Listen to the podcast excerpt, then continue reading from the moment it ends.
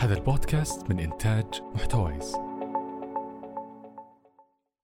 صبحكم الله بالخير ولا مساكم الله بالخير من أي مكان في العالم. آه، أهلا فيكم. حلقة جديدة من بودكاست قرش. لم نتوقف حتى ولو فلسنا لفترة لكن لم نتوقف. حياكم الله. العام 2011 طيب ندخل في زبدة الموضوع اليوم بسرعة.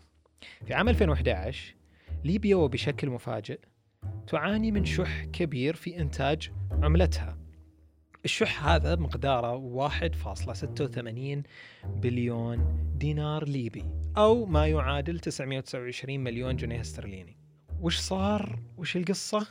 اللي صار يا طويل العمر أن عملة ليبيا كانت تتم طباعتها وين؟ في بريطانيا ما كانت تنطبع في ليبيا وبريطانيا وقتها زعلت على الرئيس الليبي اللي مو رئيس واللي كان معمر القذافي وقالت له طز فيك. بريطانيا تصرفت بحكم الاتفاق الحاصل في الأمم المتحدة على فرض عقوبات على ليبيا. طبعا هنا القذافي تورط والبلد كلها أكلت خازوق اقتصادي مو طبيعي. بالعربي ما حد يقدر يشتري ويبيع لأنه ما في فلوس ما في ورق. وبالتالي القذافي ما قدر يستثمر لا في الجيش ولا أي شيء ثاني يعزز مكانه السياسي. المشكلة هنا أن حتى الشعب أكلها للأسف. بقت المعاناة مستمرة لين ما تم خلع القذافي وقتله من قبل الثورة الليبية.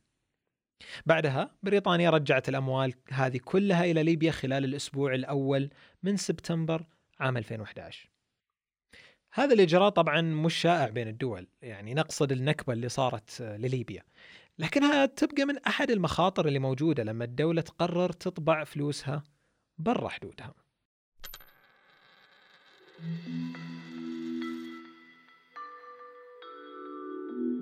من مكاين الخياطة وحتى تطور أنواع البنوك أنا حسين علي وهذا بودكاست قرش البودكاست اللي كمل انت الزبدة تعرفها. تكلمنا في الحلقة السابقة عن العملات وتطورها التاريخي وأشكالها المختلفة، وتكلمنا بعد في كيف تتحدد قيمة العملة في البلد. اليوم بنتكلم عن طباعة العملة بشكل أخص، وليش هذا الشيء مهم؟ من المعروف بين الدول أن طباعة العملة تتم عن طريق البنك المركزي في البلد زي مؤسسة النقد العربي السعودي مثلا بعض البلدان يطبعون أوراقهم النقدية فلوسهم الكاش كلها داخل حدودها الجغرافية مثل الهند بل أن بعضهم في قوانين دستورية تحتم عليها طباعة كل أوراقها النقدية داخل حدودها الجغرافية مثل مين؟ مثل أمريكا لكن بعض الدول تقرر لسبب أو لآخر أنها تطبع فلوسها برا وغالبا في أمريكا الشمالية أو أوروبا. قبل ما ندخل في السوالف هذه كلها نبي نقول لكم على شغلة بسيطة. هذه الحلقة برعاية الجيل الخامس 5G من زين. هلا والله الحبايب رجعوا.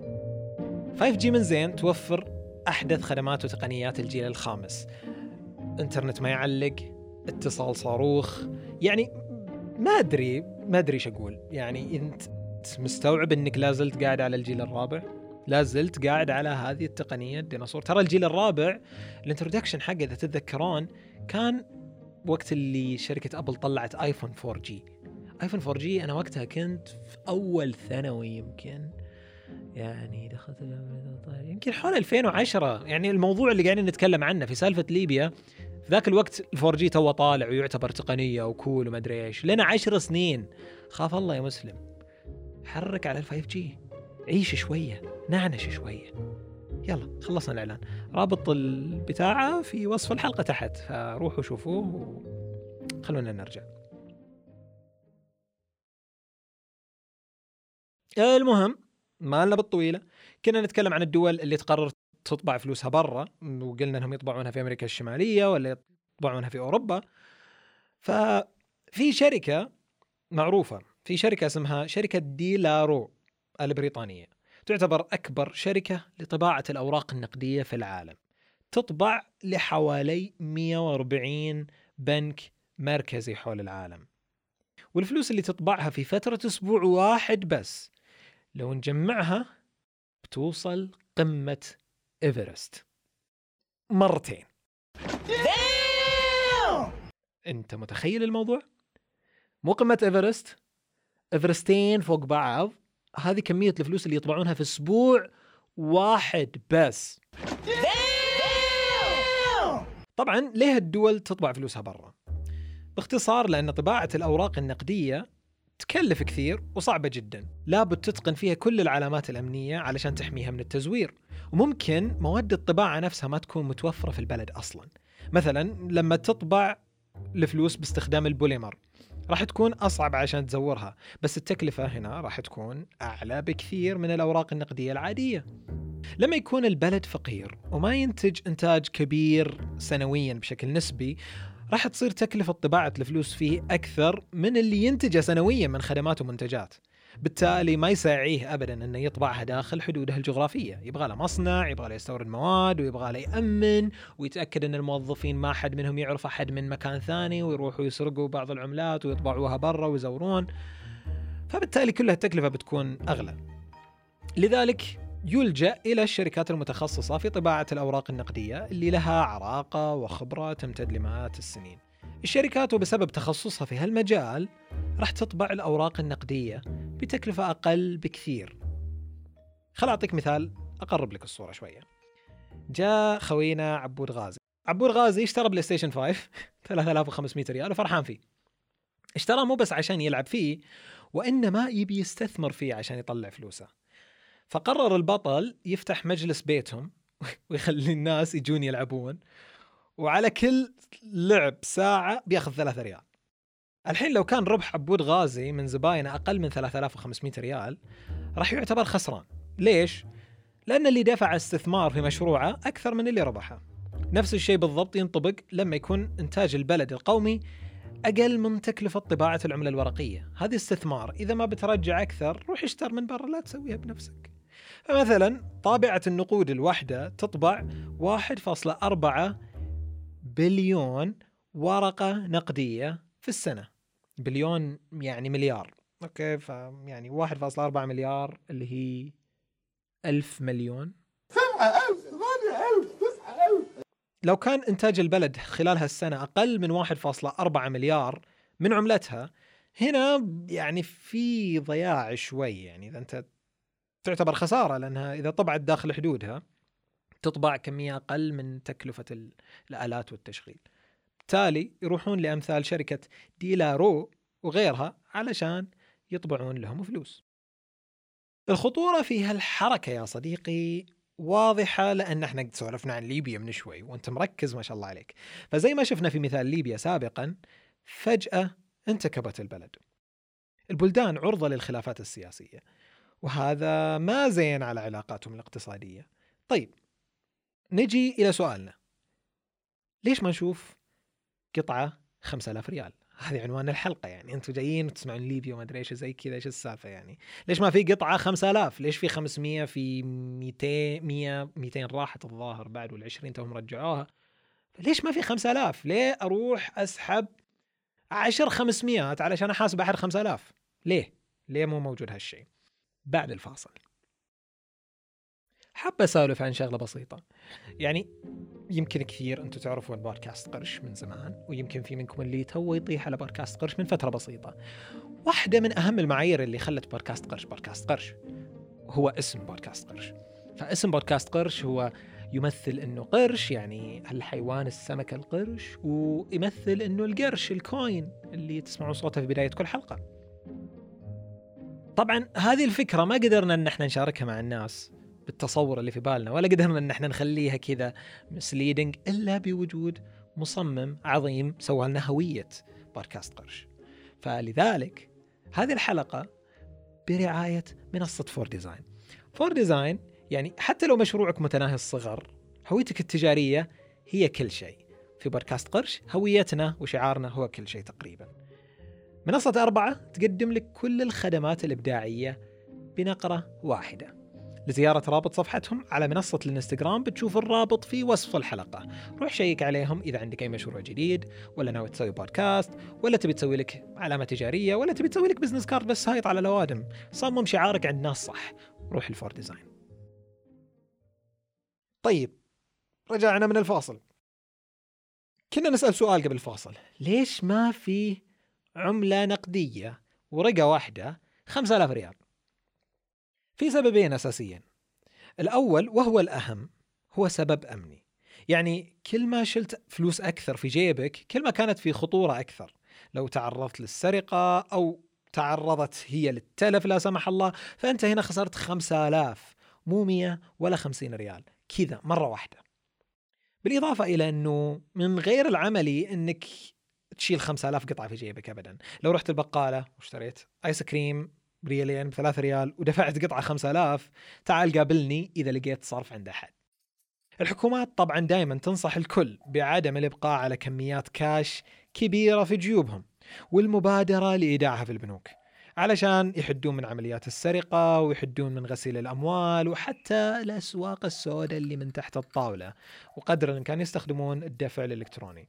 السبب الثاني هو المحافظة على معدل التضخم في البلد. 5000 ريال عندنا قيمتها كبيرة جدا. يعني تقدر تشتري فيها أشياء كثيرة. يمديك تأثث فيها غرفة يمديك تشتري فيها ما أدري بس تقدر تشتري أشياء كثير ب 5000 ريال. يعني ما هي شوي ترى. وتداولها في اقتصاد البلد راح يسبب في تسارع كبير في العمليات التجارية. بالتالي يرتفع مستوى التضخم أو يرتفع معدل التضخم. أنه الناس بتبدأ تتعود تصرف الخمسة آلاف كذا وترميها ورقة واحدة. لذلك الحكومات تحاول إنها تقلص من حجم الورقة الواحدة زي ما شفنا إنهم قاعدين على ال 500 مو قاعدين يطبعون 1000 ولا 2000 ورقة واحدة. زين في نهاية 2016 أعلنت مؤسسة النقد العربي السعودي عن استحداث الإصدار الجديد في العملة السعودية وأعلنت عن استحداث فئات معدنية جديدة شملت الريالين والريال والنص ريال والربع ريال والعشر هللات والخمس هللات وحتى الهللة الواحدة وطبعا هذا الموضوع فيه سببين رئيسيين. ليه الحكومة استحدثت العملات المعدنية؟ يعني إحنا الحين نقول اقتصاد رقمي وبالبطاقات ومدى و STC Pay بلا بلا بلا بلا. وبعدين تقول لي نوقف عن استخدام الكاش وفجأة من وراي تروح تطبع عملات معدنية تغث الكل فيها؟ هنا في سببين رئيسيين لاستحداث العملة المعدنية في السعودية. الأول هو القضاء على عمليات التقريب الحسابية في المحال التجارية. بالتعاون بين وزارة التجارة ومؤسسة النقد ألزموا جميع المحلات التجارية بالتعامل بجميع أشكال العملة السعودية ومنها حتى العملات المعدنية عشان ما حد ينظلم لا البايع ولا المشتري. ولا المريخ. يعني ما عاد بتتسلك لك ال 33 هللة اللي باقي ما دفعتها علشان ما أدري وش شاري. السبب الثاني هو أنه تكلفة إنتاج العملة المعدنية أقل من طباعة الأوراق النقدية. ترى وأسهل فيها إتقان العلامات الأمنية للعملة علشان تحميها من التزوير. بمعنى إن البلد عادي تستثمر كثير في حماية فئة ال 500 ريال لأن فيها قيمة كبيرة. أما الريال الواحد قيمته ريال يعني بالتالي مو معقول إنك تستثمر فلوس كبيرة عشان تحمي ورقة نقدية ما تسوى قيمتها معدل الاستثمار اللي فيها.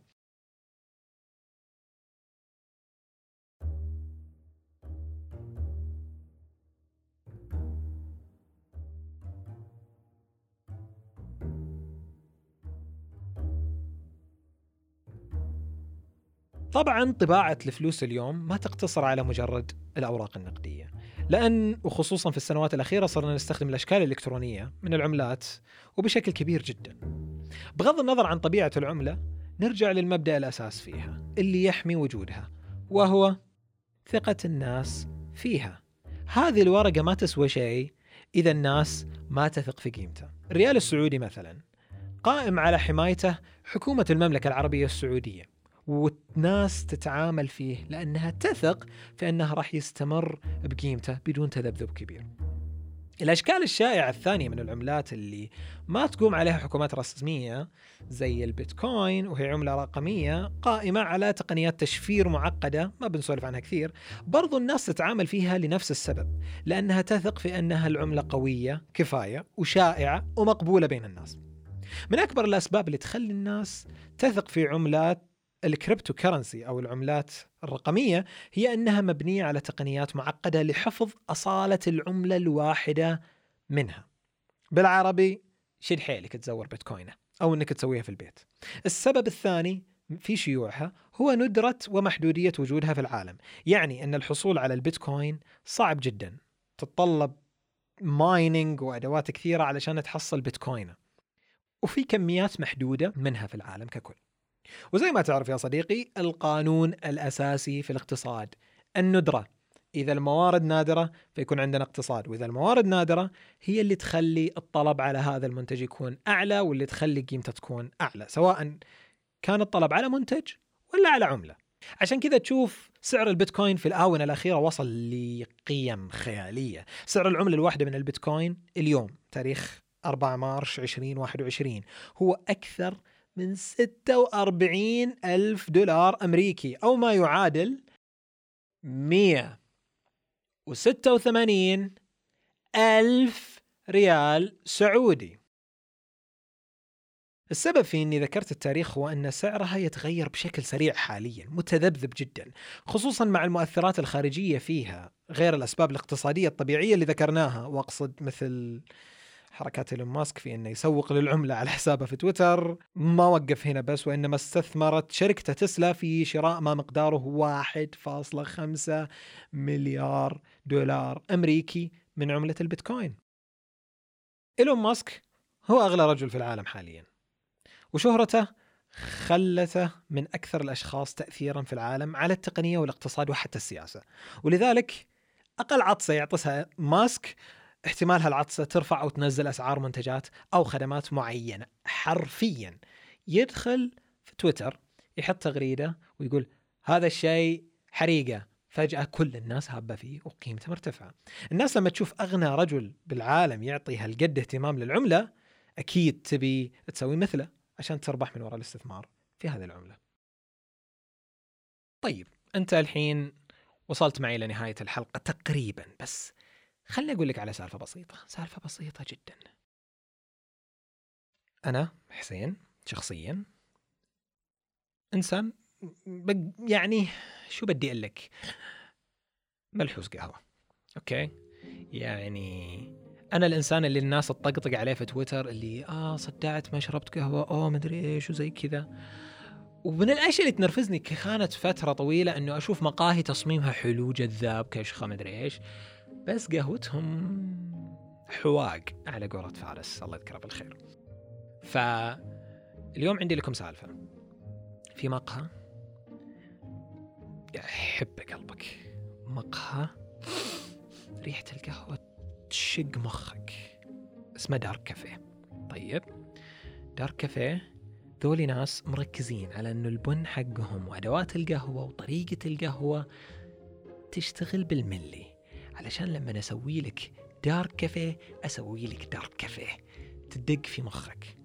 طبعا هذا على جنب. وعلى جنب ثاني حلوياتهم. حلوياتهم ما يجيبونها من أي مكان. أنا قصرت صوتي علشان أبيك تتخيل حجم الموضوع. حلوياتهم ما يجيبونها من طأطأ والسلام عليكم ومن متردية والنطيحة وما كل السبع. يلقطونها تلقيط. ما أبي أقول لك كثير. شوف أنا حطيت لك رابط في الوصف علشان تشوف حسابهم في إنستغرام وتعرف وينهم.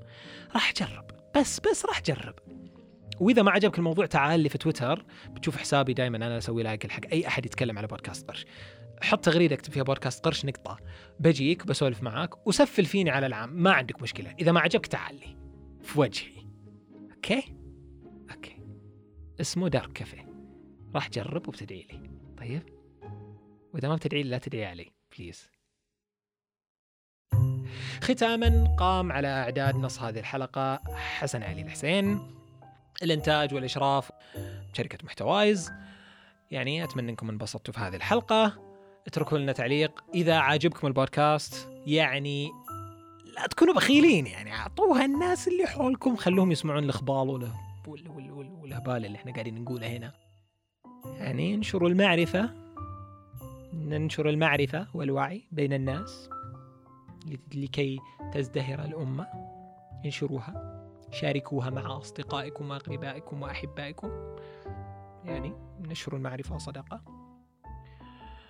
وإذا أنت تستخدم بالبودكاست subscribe عطني خمس نجمات please يلا. تكفى. ترى شوف أنا ودي إني ما أبثركم بهالحركات هذه لكن المشكلة إنه يعني منصات البودكاست يطالعون في تقييم كثير علشان يطلعون البودكاست. فإذا أنت عاجبك البودكاست هذا تبي مستمعين يسمعون البودكاست أكثر عشان أنا أشوف دافع إني أكمل وما نوقف البودكاست وبعدين أنت تزعل.